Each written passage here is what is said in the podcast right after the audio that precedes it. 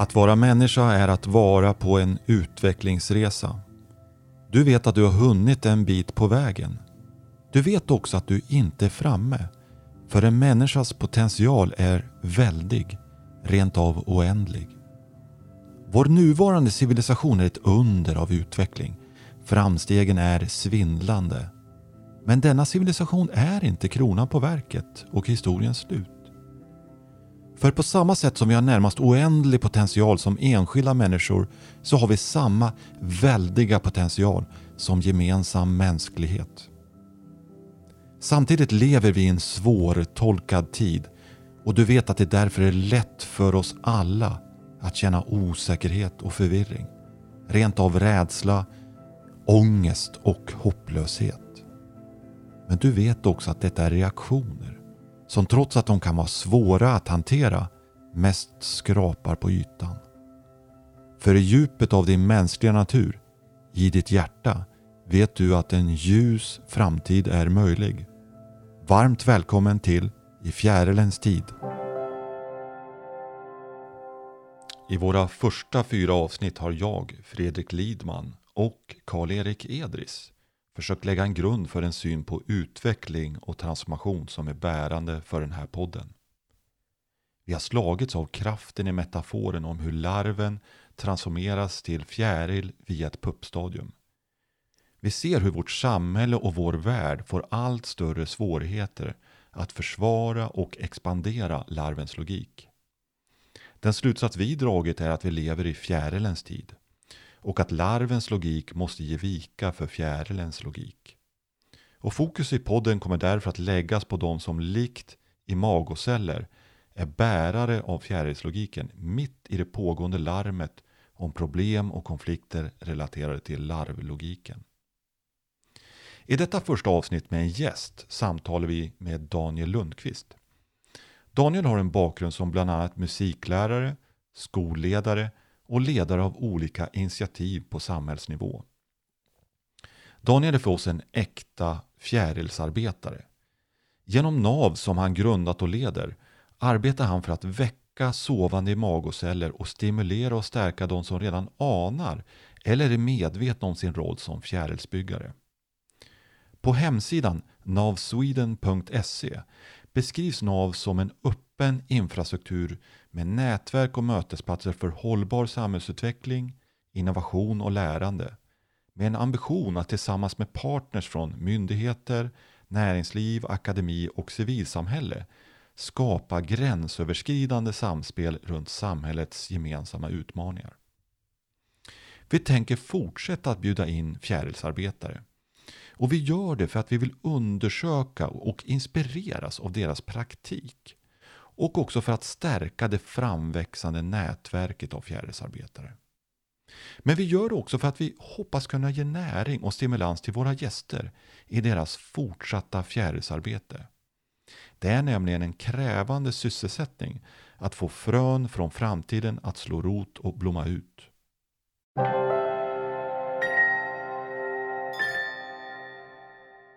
Den som inte ingår i ett sammanhang blir mm sjuk väldigt fort. Och den som å andra sidan får komma in i sammanhang och börja bli till i, gemenskapen med andra.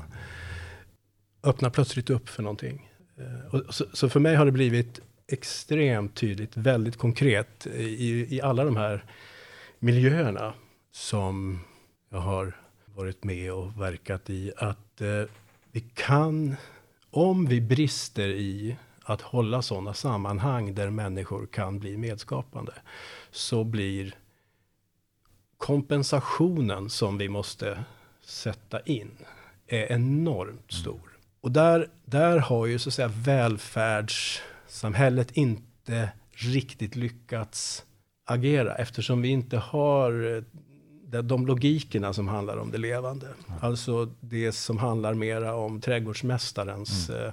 eh, eh sätt att se på, alltså vad har trädgårdsmästaren för fokus. Mm. Jag tänkte, jag brukar prata om det när jag var i, i skolsammanhang, när vi gick över till väldigt mycket standardiserade prov och sådär, att om vi ser barnet, eleven eller människan som ett, ett frö, Den här podden heter ju fjärilen, men fröet är också en metafor Mm. som jag brukar använda. Så, så är ju när vi planterar det här fröet, så har ju när trädgårdsmästaren gör det, eller när vi gör det, så har vi tillit till att i det här fröet finns Hela framtiden. hela framtiden och eh, bara vi är måna om det vi ska vara måna om, nämligen näringen i jorden, ljuset, temperaturen och, och så vidare. Så sammanhanget för där det levande kan komma till. Under den här tiden som jag jobbade inom skolan blev det mer och mer så Vi litar inte på det levande. Nej, Nej. vilket gör att vi måste ta upp det här fröet Ja. varje vecka Ja, och var- mä- mäta det för att se, är det här lika stort, exakt likadant som alla andra? Eller drar det här åt något håll så att det håller på att bli en annan? Och efter vi har tagit upp det så blir det lite svårare. När vi sätter ner så växer Vi det inte på samma sätt. stressar, Ja, vi stressar det levande genom att eh, inte eh, ha tillit till att värna om sammanhanget. Mm. Värna om, eh, om, om jordmånen så att säga. Så att det där har jag nog nästan, det har nästan blivit en fixering tror jag. För, för mig. Mm. Ett perspektiv som har blivit en fixering. Ja, min, min känsla är att det där är otroligt fint och jag blir så nyfiken på hur du kom till den, om du kommit eller har någon erfarenhet när du kände att nu hör jag inte till det gamla sättet att tänka kring detta längre, utan eller växte du in i det här att du känner att du måste värna det levande? Ja, jag, jag Eller har, ville du säga att du hade det från början, eller hur, hur gick det till? Det blir jag nyfiken på. Jag, jag tror inte jag har något bra svar på det faktiskt. Men däremot så vet jag ganska väl när jag har eh, försökt prata på den här frekvensen. Eller prata utifrån den synen på att vi är levande. Med väldigt välvilliga, professionella, duktiga människor som står med sina uppgifter och roller och eh, krav på uppföljning i, i välfärdssystemet. Ja. De står i det- det designade. och att när man tar upp den här typen av, alltså man kommer från det hållet. Det är ju viktigt att kunna komma från flera håll, men när man kommer från det här hållet, då, då ser man väldigt snabbt om det är någon hemma. Ja. Eller om, om man måste liksom springa, ja ja, det där är ju jättebra, men nu måste vi ju gå vidare till det här. Det har jag ju varit med om väldigt mycket. Så att det finns, att jag lider ju med hela systemet, för jag är ju en del av det. Jag känner, tänk om vi skulle kunna ge det här lite, eller Vad få en balans vara i det. här. möjligt då? Vad skulle vara möjligt? Men jag känner mig fortfarande väldigt nyfiken på frågan om du eh, hade det där från början eller om det har växt fram. Alltså, om du, alltså man kan ju tänka sig att man är levande från början eller så känner man liksom att omgivningen har nu försökt att trycka så mycket död och mätning i mig så nu reser jag mig upp och skriker och säger jag går inte med på mer. Från och med idag är jag levande. Ja, men du, du insisterar ju, Ja. Karl-Erik. Så att jag får väl berätta någonting då om, om Ja, någon ti- tidig, tidig upplevelse. Jag, jag vet att jag, jag sa det att jag var ju i kyrkan och sådär. Och, och i, i frikyrkan och var det ju också väldigt tydligt hur man skulle leva ut sin tro och så. När jag deltog i det där så, så kände jag att det här sättet att göra det här på är inte sant för mig, men det verkar vara sant för alla andra. Mm. Av någon anledning så hade jag något krav på mig själv när jag var runt 11-12 år. Att, att vara ärlig med mig själv, och det vet Ja. jag inte var det kommer ifrån. Nej. Förmodligen, min far har lite av det där. Så att jag började, började faktiskt krisa lite och kände att det, det, det finns inte för mig det här. Det, det, det är liksom, jag kan inte. Och det verkar vara sant för andra. Ja. Så jag gav upp den här. Jag hade några krisnätter där jag grät mig igenom. Ja. Det här var kanske no- några år senare. Sorgsamt. tidig tonår. En sorgsam process. Där jag gav upp. Och det, det, är, det är här, i det här tidiga uppgivandet av att inte ingå i ett system. Som jag upplever för första gången den här djupa känslan av att vara buren Ja. på ett eh, annat plan. ja. Men du bevågde, behövde kasta dig ut Ja, först ur tryggheten för att visa att du är buren djupare sett. Ja, och just, just det gjorde ju att jag inte behövde stå i någon stark konflikt till det andra, eftersom alla kämpar ju med sina egna processer. Ja. Men det är ju väldigt många som stannar i verksamheter och organisationer och står och stampar och blir bittra. Ja. Och jag, inte minst från kyrkan möter man ju väldigt många som, som har blivit brända och så. Ja. Och det är klart att jag har vissa sådana saker. Men jag har framförallt någon sorts varm känsla av att alla försöker. Ja. Ja, men det- Alltså, ja. Ja, väldigt det är fint att du säger detta. För då känner jag att du skulle ju ha kunnat hamnat i revolt och sagt kastat allt det där åt sidan och sen hade du själv då blivit isolerad och kommit in i en slags modern död kan man väl ju säga. Som de flesta är som går i revolt. Utan du gjorde dig fri och sen hade du kvar en känsla av respekt för dem du gjorde dig fri från. Det är så jag uppfattar det du sa. Och det är där ur, i den upplevelsen att du kunde göra det där som, det var kanske det som har burit dig hela vägen. Eller vad, tänker du inför en sån Ja, amatörtolkning från mig? Ja, det har i alla fall gjort det med mig att, att jag ser alla de här gamla texterna och visdomstradition. Min blev ju den, den, liksom den kristna traditionen. Det är det som jag är uppvuxen med. Men som jag då på något sätt har lämnat. Men när man frigör sig från det så ser man ju plötsligt öppnar sig ju orden på ett annat sätt. Rikedomen.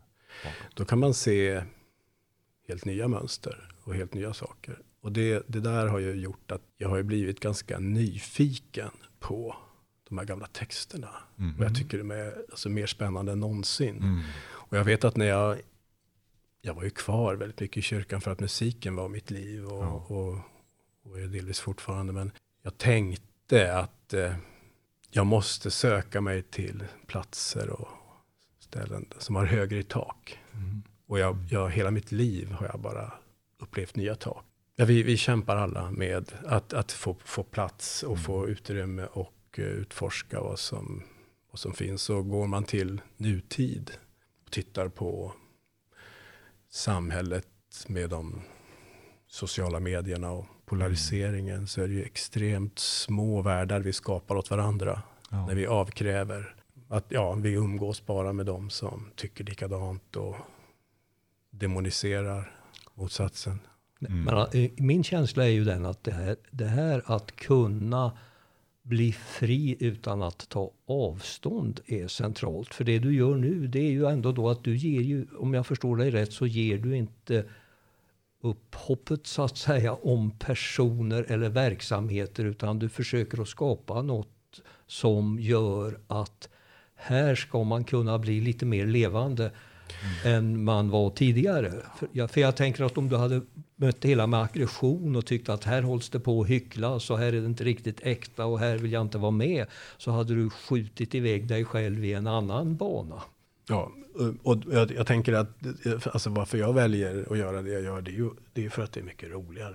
Ja, ja, men det är ju också Det- att gå på det som man är Ja, stimulerad ja, men det som gör att ja. det är inte så att jag har någon, har någon, någon, någon, någon tro på att det är någon sorts god handling eller så. Nej. Utan jag är, inte- jag, är inte, jag är inte speciellt god, utan jag tycker att det är väldigt kul när det blir, eh, när det händer grejer, när det är kreativitet, när folk blir, skapar och, och gör saker. Så att, för det, det är väldigt lätt att det här hamnar i någon sorts, eh, framförallt när man pratar om eh, religion och kyrka och välfärdssamhälle. Det är så mycket gott och ont och sånt. Och jag tycker det, det är rätt sorgligt det där att vi har hamnat, hamnat i det faktiskt i, i- igen väldigt starkt i våran svartvita syn på, vi, vi fördömer väldigt mycket. Ja. Nu, nu är det klimataktivismen och sådär och det, det finns ju väldigt mycket som behöver sägas där. Liksom. Men, Ja. men det är ändå någonting som att det är väldigt mycket moraliserande. Ja. Som inte direkt eh, lockar fram det bästa hos människan. Ja, men du väljer väl ändå sammanhang som har, om man nu skulle se att eh, vi har en godhetskvot från 0 till 100 så vill du inte gärna vara nära noll. Och Du är inte Breaking Bad i alla fall. Nej. Ja, ja men det, jo, det kan jag nog vara i vissa fall. det- alltså, för att det, intressant. ja, det där beror ju alldeles på vem man frågar. Alltså, Precis, det blir en annan podd när vi tar... Ja, men när, när vi startade NAV till Ja. exempel. Alltså när jag, hade, jag drog ju igång det när, när eh, by- började bygga upp det här nätverket. När jag jobbade som sam, chefsamordnare då för de här myndighet, myndigheterna. Då, för att det var just det att vi, vi var ju upptagna av regelverk och, Ja. och, och väl genomförda projekt och vi designade nya projekt och Mm. gjorde dem. Men vi var ju upptagna av att leverera de tjänster och insatser som skulle gå till de individer som skulle stegförflyttas. Det fanns ju ingen tid Nej. för att bygga upp, förebygga, att skapa sammanhang där människor inte hamnade i ett utanförskap till exempel. Eller i en psykisk ohälsa. Utan det skulle ju andra delar av samhället ta hand om. Så att där startar egentligen idén om, om NAV, att börja bygga upp platser där de gemensamma frågorna, och inte bara då utav de som äger, äger problemet från någon sorts myndighetsnivå, utan där aktörer, alltså konstnärer, entreprenörer, kunde friare mötas för att, för att se hur vi skulle kunna ta oss an samhällsutmaningar och för att också vara i den här ständiga omförhandlingen. Alltså att, att lämna gamla system och gå in i nya är ju ofta ganska det är nästan stigmatiserat. Vi håller fast i våra jobb för att vi har det våran trygghet. Mm. Och nu, nu är ju vi i en tid när, när eh, världen förändras så snabbt. Så att det nya normala är ju egentligen omställning. Ja. Det, det är ju förändring. Och då, då tanken med de här liksom, platserna, det är ju att det ska vara attraktivt att gå in i sammanhang där man kan lyssna lite mer efter vad är det som vill födas här då? Vad är, vad är det som vill vara, komma till här? Ja, nu, när, när du pratar nu, då blir det levande igen. Före det så pratar du utifrån att det var, det var ju designat på det sättet. Mm. Men och, och hur, hur har du och andra i NAV fått liksom upprätthålla den här lågan nu, att det ska vara levande NAV när, i vardagen? Hur, hur, hur får ni det? Hur får du och andra det att fungera? Ja, jag får ofta den frågan. Dels för att det är ju ofta väldigt korta, vi är på, på, på lånad tid så att säga på sådana här rivningskontrakt och sådär. Vilket gör att det blir sådär ofta, ja men hur ska vi göra sen då och vad händer då? Och då måste jag erkänna att, att när vi inte har fått det att funka så är det precis då som det mest spännande har skett. Ja, Det är ganska på paradoxalt. gränsen till fiasko. Det, det är någonting med den där paradoxen Ja. i livet som, som gör att när vi, när vi släpper planering, kontroll och uppföljningssystemet Mm. så öppnas någonting annat. Mm. Och, och det är väl egentligen den balansakten som, som vi egentligen håller på med. Att vi ser att vi behöver absolut bygga upp strukturer och så, det är inte det. Men vi verkar ha svårt att behålla den levande logiken. Och i den levande logiken, där är ju, där är just döden eh, central. Central, Nämligen att vi måste släppa saker i, i tid för att någonting nytt ska, ska få växa fram. Och är det någonting vi verkligen har som uppgift i de här strukturerna, alltså välfärdsstrukturerna och samhället, så är det ju att förhindra att saker går sönder. Alltså uppgiften är ju att riskminimera och upprätthålla ordningen, Ja. såklart. Eh, I tron att det här är den bästa ordning vi har nu. Ja, men det vi, det vi då, de här två systemen är inte så lätt att få ihop, utan man måste ju på något sätt bära det inom sig som människa och släppa fram saker eh, i tid och sådär. Men, men alltså för om man har fått en erfarenhet av det där, att det är i det där instabila tillståndet, där, man, ja, där det inte riktigt funkar, som det plötsligt föds något som funkar. Har man upplevt det som person, då är man ju märkt för livet. Därför att då söker man ju det för man tycker ju att det är mycket bättre. Jag kommer ju mera till min rätt i en situation där jag känner att det kommer ända inifrån och det är hela jag som är engagerad. Än att jag sitter där som någon slags befattningsbeskrivning och, och gör det som jag har betalt för. Eller vad man ska säga. Eller gör det jag alltid har gjort eller det jag påstås kunna. Så att jag fick den känslan när du berättade där att det faktiskt är en viktig del av NAV att det aldrig riktigt har blivit en stabil institution. Utan att du har varit på fallrepet och det har varit både det ena och det andra. Och så är det de där eh, ögonblicken som det påverkar människor mest. Ja, och nu är vi ju mitt i eh, en coronapandemi. Ja. Eh, och eh, Den vi, hjälper till. vi vet väldigt lite. ja. Och, precis innan det här så blev vi också, la vi ju ner, eller Nacka kommun la ner en, en av de platser där vi också verkade, som heter ja. Versity i Nacka Forum. Och vi var ju på väg då att ge oss på den nya vågen där vi skulle hitta, men allting stannade ju av här. Mm.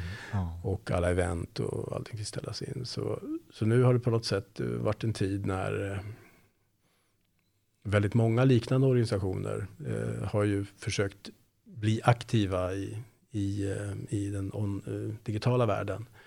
Och det har vi också gjort. Vi har gjort mm. saker och vi har ju olika aktörer som använder våra liksom, plattformar och sådär. Mm.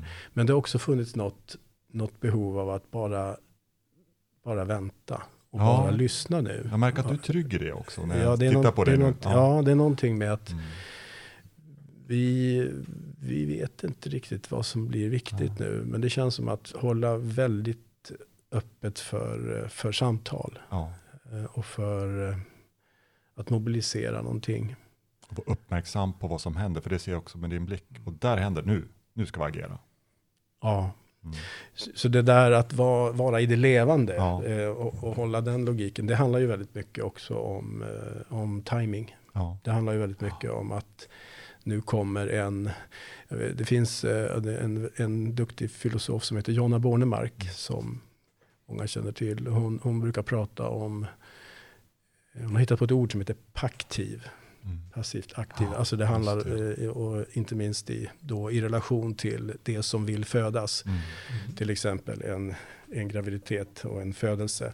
handlar ju om att eh, inte, någonstans i det läget så eh, överger man eh, kontrollen och spelar med. Ja. Eller lämnar över ja. och till kraften som föder fram det här. Man blir alltså följsamt, akt, passivt aktiv. Man låter saker hända. Så det är väl det är en väldigt bra bild mm. för hur, hur man kan både vara i, i världen så att säga eh, och lita på att jag också kan släppa lite grann taget här och där och nu mm. och då. Och tillsammans med andra ge plats för det som vill komma fram. Jag menar, det där hakar ju fullständigt i det som är grundtemat för vår podd här då med fjärilen och, och fjärilsblivandet. Att eh, man har ju inte koll på och man kalkylerar ju inte fram fjärilen utan det, kommer ju, det är ju motstånd, sen spricker det. Och det som behövs, eh, så som jag tänker i varje fall, det är ju olika odlingsbäddar för att få fram mer och mer personer som fattar den här logiken. Så att de kan vara i sina olika sammanhang och istället för att bli försvarare av strukturer och mätningar och kontroll eh, stå upp för och utstråla att skulle vi inte kunna tillsammans skifta logik lite grann så vi öppnar oss, alltså ha någon slags tillit till att även om vi inte har kontroll, det, eller det när vi inte har kontroll som det bästa händer. Mm. Mm. För jag menar, vi är ju inne i någon desperat fas nu när vi verkligen ska kolonisera framtiden för den logik som har visat att den inte fungerar. Mm. Mm. Det är ju läge att släppa och se vad som kan bli till. Men då tror vi ju att det är katastrofen som väntar ja. för att vi tappar kontrollen.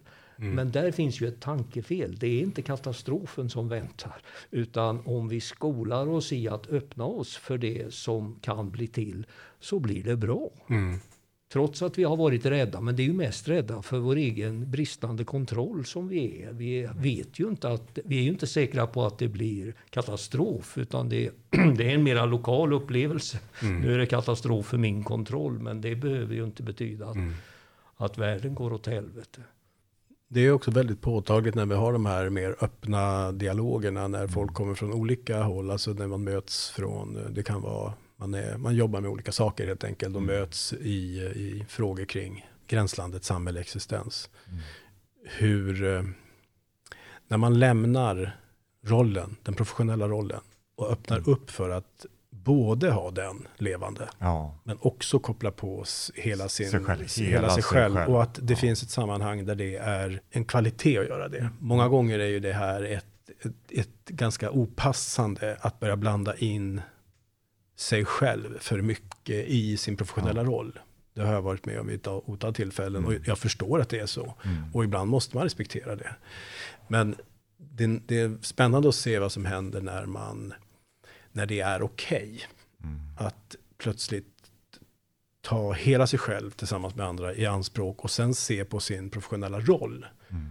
som en, en sorts tjänare av det nya som uppstår då. Mm.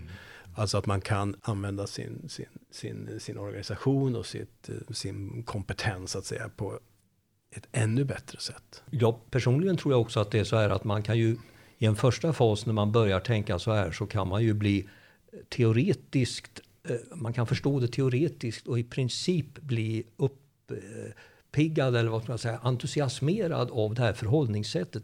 Men sen är det här förhållningssättet också, tror jag, väldigt konkret i den meningen att man måste hitta sitt verkligt konkreta sammanhang där man ska ge allt. Alltså så att man inte ska flyta runt som en slags allmänt klok person utan man ska grotta ner sig för saker ska ju bli konkreta. Det är inte en, det är inte en ny ideologi som ska födas utan det är en ny praktik.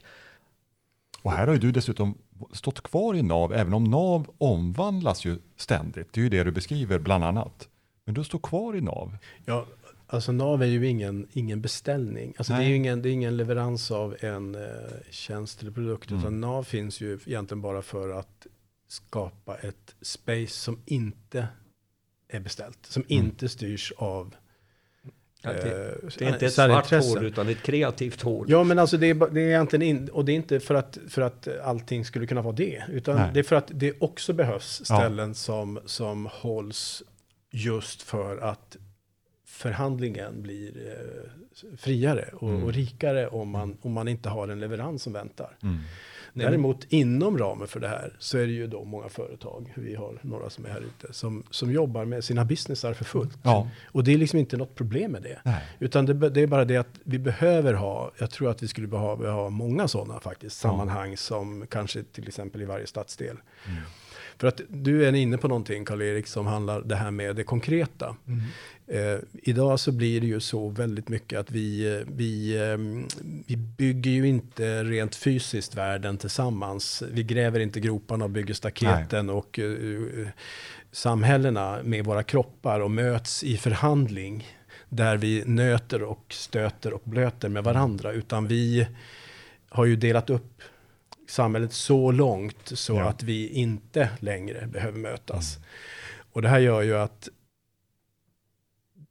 det sätt som vi blir till för varandra, om det inte är en, en för, förhandling mm. med det vi gör mm. tillsammans, vad återstår då? Ja. Jo, en abstraktion av vem den andra är. Ja. En idé om vem den andra är. Och när vi nu har flyttat det här upp till liksom, på sociala medier-nivå och sådär, så vår längtan efter att bli till är ju lika stark. Ja. Men nu måste vi bli det genom att ha olika typer av åsikter som vi tillhör eller inte tillhör. Ja. Och de här blir ju viktigare och viktigare eftersom vi inte har en levande eh, alltså att vi inte förhandlar om det här med våra kroppar. Ja. Så att jag, jag, Glorifiera eller ta avstånd då? Ja, det blir ja, ju det. För att jag menar, om man, om man har kämpat med någonting tillsammans med, med en annan människa eh, fysiskt och mm. åstadkommit någonting, ja. överkommit ett problem, då är den människans eventuella perspektiv eller åsikter i någon specifik politisk fråga inte speciellt relevant. Nej. Men nu blir den helt avgörande, för vi har ingen erfarenhet av, i, av den levande Nej. världen tillsammans. Och jag tror att här måste vi vakna till. Ja, det här, upp över ja. att vi först och främst är levande varelser ja. i kroppar som får erfarenheter. Ja. Och genom de kropparna med de erfarenheterna så växer det en sorts visdom fram. Som också gör oss känsliga för, för hela naturen. Eh, och eh, så, så nu när vi förhandlar om att vi ska rädda världen och vi, vi har, kommer överens om de här Parismålen och sådär. Om, om man inte startar med, eh, det var någon som sa att om du vill rädda klimatet så ska du börja med att hitta någonting du älskar ja, och vårda det. Verkligen. Ja. Med det, då är du där med din kropp och hela du. Man måste ha med, med det perspektivet ja. också. Ja, men alltså vad innebär att ta ansvar? Nu har vi ett samhälle där snart, alltså till och med de som är valda och höga tjänstemän egentligen inte tar ansvar. Utan man har någon abstrakt policy och så tycker man ja, det går si och det går så. Men man är inte där på samma sätt som en levande person som bökar i sin egen rabatt eller vad man ska säga. Utan det blir, allt blir abstrakt. Och sen blir folk förbannade och det gapas och skriks om att man borde ja, rulla folk i kära och fjäder som inte har varit tillräckligt bra. Men, och vi alieneras ju också från vårt eget samhälle. Vi tar ju inte ansvar för det här, utan vi kräver ju av andra att göra det. Men samhället är ju vi och det ansvar vi själva tar. Så att där kommer ju samhället att rasa ihop över oss så att säga. Om vi inte fattar att vi måste börja med att vara ansvarstagande, inte bara för vårt privata liv utan för det goda, den goda framtid vi vill ska bli till. Då måste vi ta ansvar, vi måste gå in i politik, vi måste gå in på olika sätt som tar ansvar för det gemensamma. Och det är ju, där, det är ju något slags skifte där nu då, där vi spelar ut olika ideologier och gapar och skriker. Och då, men det jag känner då, när det du berättar om NAV, då känner jag ju att det här är ju faktiskt en skola.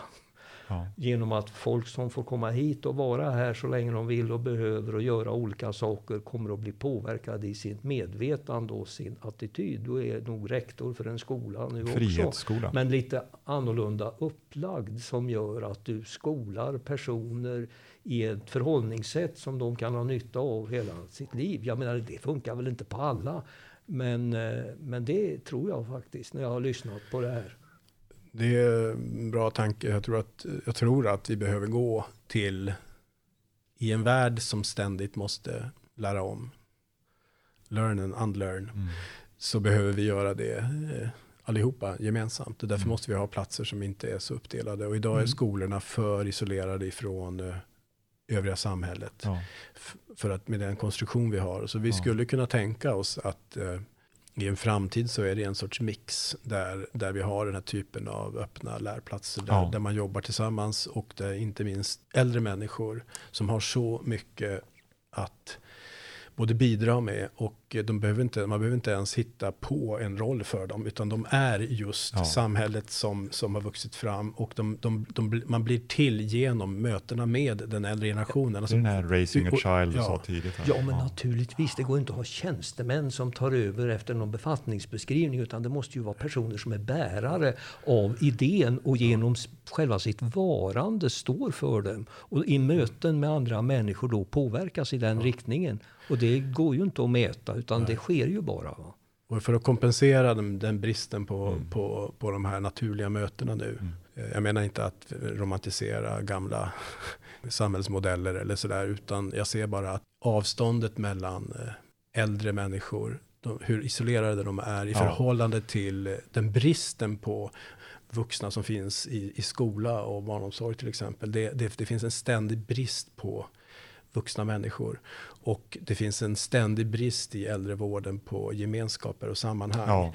Vi har, eh, och det gör att vi, vi får enorma kompensatoriska eh, krav. Alltså vi försöker lösa det här med så mycket psykofarmaka och, ja. eh, och andra, andra saker idag.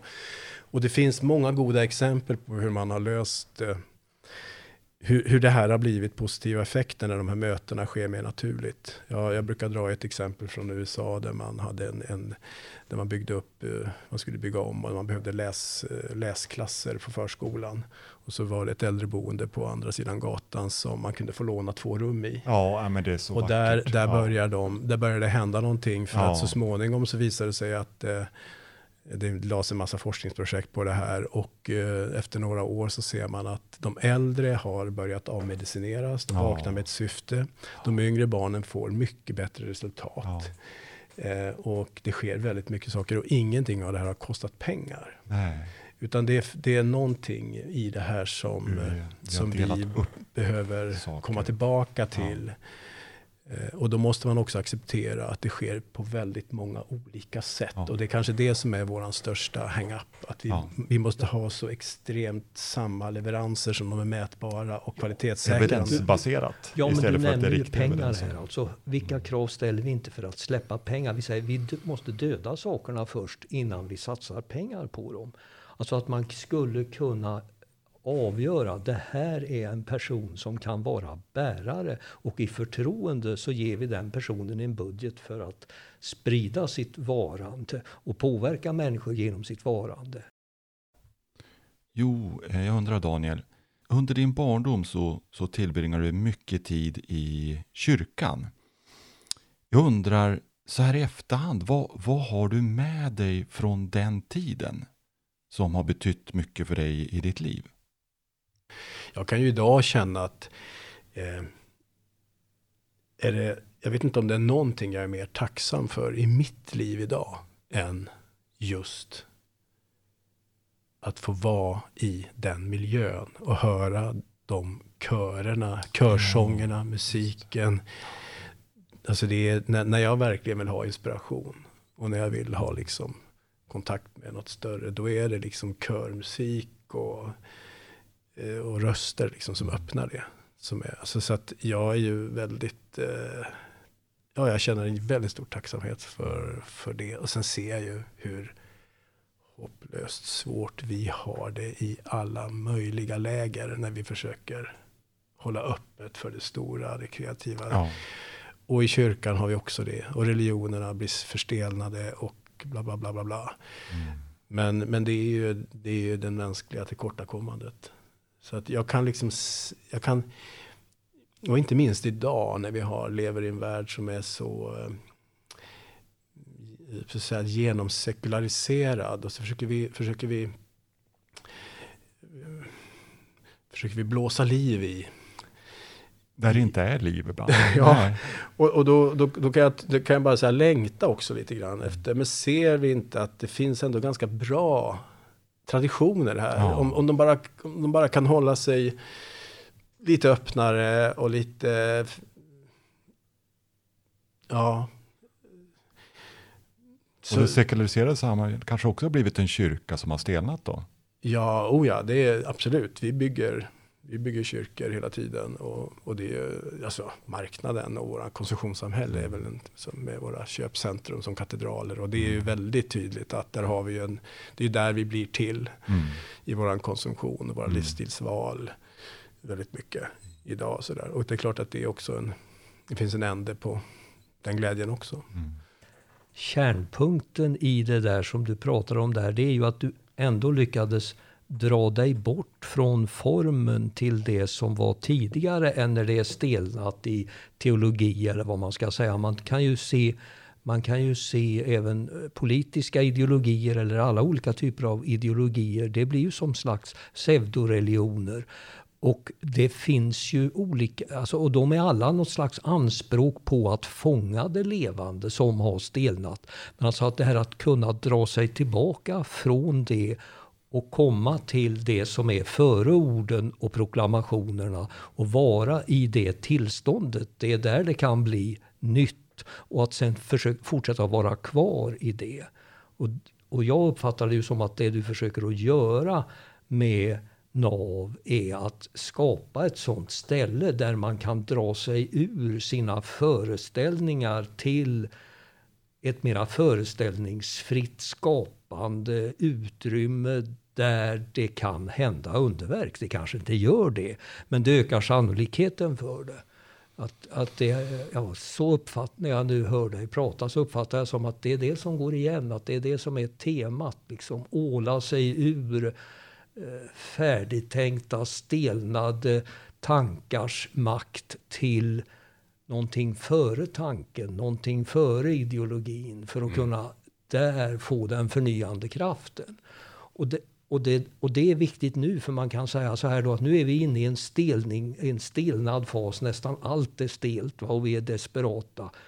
då är det ju extra viktigt att komma i det läget. Det är ju en annan sak när det är vår och det nya håller på mm. att växa. Va? Men nu är det ju verkligen senhöst. Va? Det är snart inte några löv kvar winter som kan falla. Coming. Ja, winter is coming. Va? Mm. Och då är det extra viktigt att, det, att få arenor där man kan verkligen bli berörd av att det finns någonting bortom ideologiska. Det finns liksom bortom den här ja, tankevärlden. Att det finns en bubblande bädd av nya, av nya former, nya möjligheter och att man redan är del i den. Man är redan där. Man är redan där. Ja, det... men, men, men, man måste våga tro på det.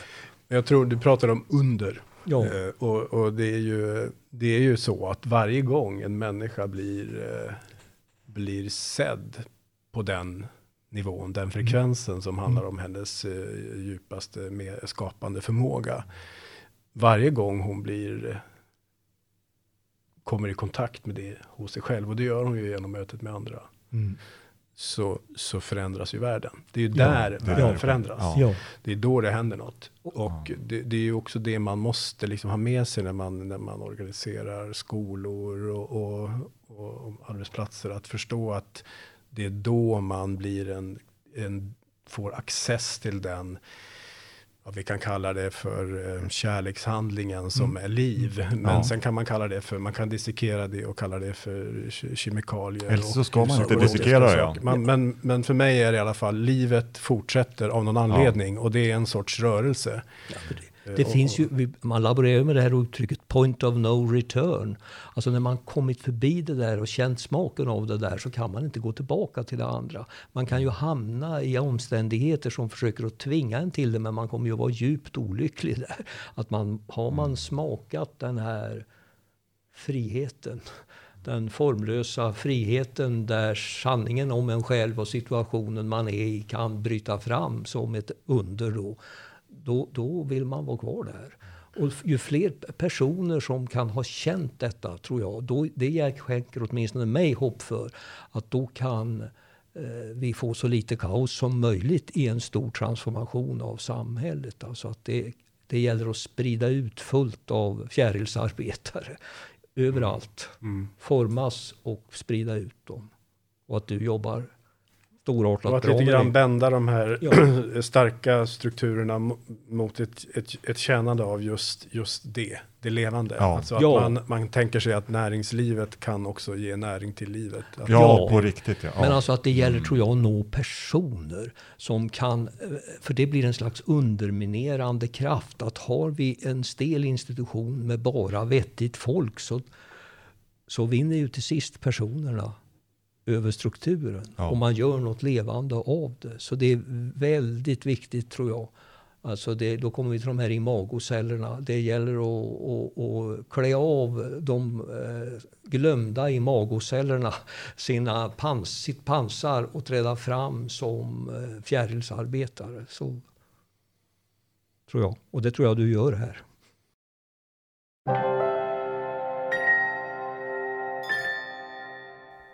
Du har precis lyssnat på podden I fjärilens tid. Du finner mer information om oss under ifjarelenstid.se. Varmt välkommen tillbaka!